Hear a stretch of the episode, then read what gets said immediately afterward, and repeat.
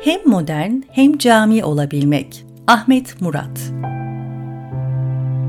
Cami sivil bir yapıdır. Sivil nitelemesini gayri resmi anlamında da alabiliriz. Bir cami ne kadar heybetli, ne kadar görkeme bulanmış ya da temaşaya açık bir sanat eseri olsa da aslında fonksiyon olarak bir köy camiinden hemen hiç farklılık göstermez. Kapıda ayakkabılar çıkarılır, yerlere diz çökülür, protokolden eser yoktur. İmam bir sebeple gelmemişse şayet, cemaatten birisi geçip namazı kıldırır. Müezzinlik ise zaten herkese açık bir performanstır. Cemaatin öncelikli ihtiyacı namazı yerli yerince ve birlikte kılmaktır. İçerideki mimari unsurlar ve tezinat tam da buna hizmet etmek üzere organize edilmiştir. İmam için mihrap, hutbe için minber, vaaz için kürsü, müezzinler için mahfil vesaire. Bunlar ve geri kalan her şey namazın usulünce kılınmasını sağlamaya matuftur. Yani cami öncelikli olarak namaz kılmak için düzenlenmiş, yolların, dükkanların, trafiğin, gündelik hayat ritminin içinde kendisine eşlik eden ve ibadete dair olan bir itinayı görünür kılan bir mekandan ibarettir. Bu yönüyle caminin esas işlevi erişilebilirlik üzerine bina edilir. İstanbul'daki, Konya'daki ya da Fez veya Saraybosna'daki tarihi camilerin tamamı bu dikkate sahiptirler. Çarşının içinde irice ve mahalle içlerinde küçürek olmak üzere bulundukları yerin yarattığı arayış ve ihtiyacı karşılayarak oradaki gündelik hayat ritminin ve tertibinin dünyaya getirdiği organik yapılardır. Fez'deki Karaviyin Cami bir labirent gibi etrafını saran çarşının içine gömülüdür. Büyüklüğünü bulunduğu yerdeki medrese çokluğu ve çarşı hareketliliğine borçludur. Karaviyin Camii'nin ya da Mihrimah Sultan Camii'nin büyüklüğünü sorgulamak aklımıza gelmez. Çünkü bulundukları yerdeki insan hareketliliğini dikkate aldıklarını biliriz. İnsan hareketliliğini sadece camiye girip çıkan cemaat olarak ele almayalım. Bir cami mutat ve vefalı cemaate hizmette sınırlı değildir. Kurnasında suyu, bahçesinde gölgesi, içinde serinliği, avlusunda tuvaleti olan bir cami bulunduğu bölgede bir vaha gibidir. Caminin hem içi hem de dışı sadece insanların değil, hayvanların da buluştuğu teklifsiz bir açık yapıttır. Caminin bu cem edici işlevinin sadece namazla sınırlı olmadığını anlatmaya çalıştığım gözden kaçmamıştır. Cami asıl olarak namaz kılmak için inşa edilmiş ama ibadetle gündelik hayat arasındaki geçişkenliğe son derece duyarlı bir bilincin ürünü olarak namaz vakitleri dışında nefes almayı sürdüren, Müslüman bir çarşının ya da mahallenin sosyalleşmesini esasdan temin eden bir merkez denilebilirse içine çeken ve dışarı bırakan bir kalp olmuştur. Bugün geleneksel niteliğini koruyan mahalle ve çarşılarda caminin bu işlevinin nispeten sürdüğünü söyleyebiliriz. Eski çarşılardaki dükkanların caminin varlığından ve imkanlarından güç alırcasına yalınlıklarını korudukları küçük iç alanları ve sınırlı donanımları, musluksuz, tuvaletsiz, penceresiz, dip dibe dizili, çarşıya açılan bir cepheye sahip olan ufak dükkanlardan bahsediyorum. Bu sebeple esnafın caminin genişliğine ve avlusuna ihtiyacını sürdüğünü görürüz. Bu geleneksel organizasyon içinde esnafın ayağı camiye alışıktır. Cuma namazlarında çarşıda hayatın ritmi durur. Yazları esnaf çocukları belli bir süreyi camide elifba talimine ayırır.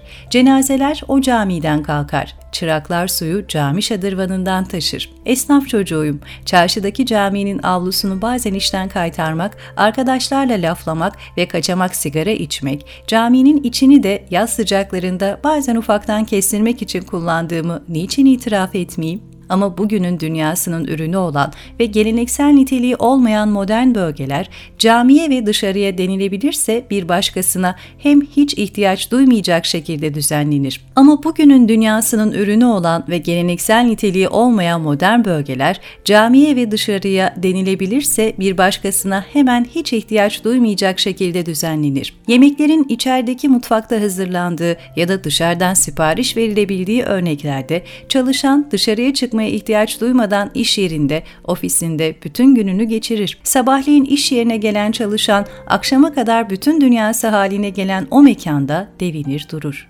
Namaz kılma ihtiyacını da yine varsa içerideki mescitte ya da bir köşeye serili vermiş bir seccade üzerinde giderir. Şirketlerde bulunan mescitlerin buna AVM içlerindekiler de dahil bulundukları binanın tasarım tercihleriyle uyumsuzluğu dikkatinizi çekmiştir.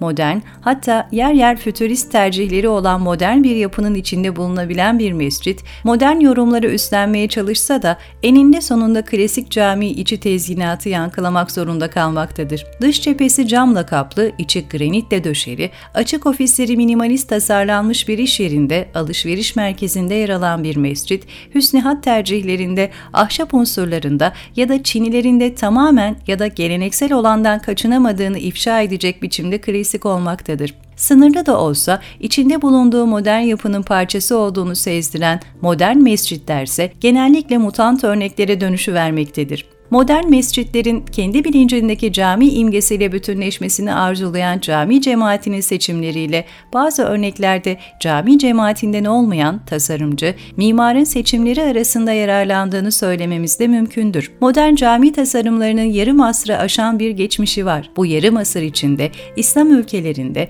konut mimarisinde kat edilen bir mesafe varsa ve daha da önemlisi bir konut ve şehircilik biçiminde zorunlu da olsa bir mutabakata ulaşılmış yapılmışsa bile bir modern cami mimarisi üzerinde anlaşılabilmiş değil. Bu yarım asır içinde İslam ülkelerinde konut mimarisinde kat edilen bir mesafe varsa ve daha da önemlisi bir konut ve şehircilik biçiminde zorunlu da olsa bir mutabakata ulaşılmışsa bile bir modern cami mimarisi üzerinde anlaşılabilmiş değil. 30 sene önce inşa edilmiş Faysal Camii'ni minarelerini çıkardığımız zaman bir cami olarak algılayabilecek olan sokaktaki cami cemaati çok azdır. Caminin bir kubbeye değil, bedevi çadırını andıran bir örtüye sahip olması da bunda etkili olacaktır. Aradan geçen 30 sene bu örneğin cami cemaatinin bilincinde mahsedilmesini sağlayamamış, modern bir sanat eseri gibi yani ayrıksı ve ilginç kalmasının önüne geçememiştir. Modern cami, cami olmak istediği her seferinde aslında bugün için çok da işlevi kalmayan yapı unsurlarına yani kubbeye, minareye, şadırvana başvurmak, meşruiyetini onların varlığıyla temin etmek zorunda kalmaktır. Modern cami mimarisinin karşısındaysa sanki herhangi bir modernlik deneyimi yaşanmamış, kozmopolit bir şehirde ve bütünüyle modern iş organizasyonuna bağlı yaşamıyormuşuz, modern konutlarda barınmıyormuşuz gibi davranılarak yapılan camiler yer alıyor. Bunlar klasik cami mimarisini hemen hemen aynı biçimde bazen otopark, asansör gibi modern parçalarla tamamlamakla yetinerek uygulayan örnekler. Örnek çok ama irice olanlarını sayalım. İstanbul'daki Büyük Çamlıca Camii, Kazablanka'daki 2. Hasan Camii, Malezya'daki Şah Alam Camii, Abu Dhabi'deki Şeyh Zayed Camii, bu gerilim verimli bir tartışmanın sebebi olabilir. Öncelikle modern cami mimarisinde ortaya çıkan yapıyı cami olarak tanımlamaya sebep olan unsurlar nelerdir sorusunun cevaplanması gerekir. Bir camiyi cami yapan nedir? Minare mi, kubbe mi, şadırvanlı avlu mu?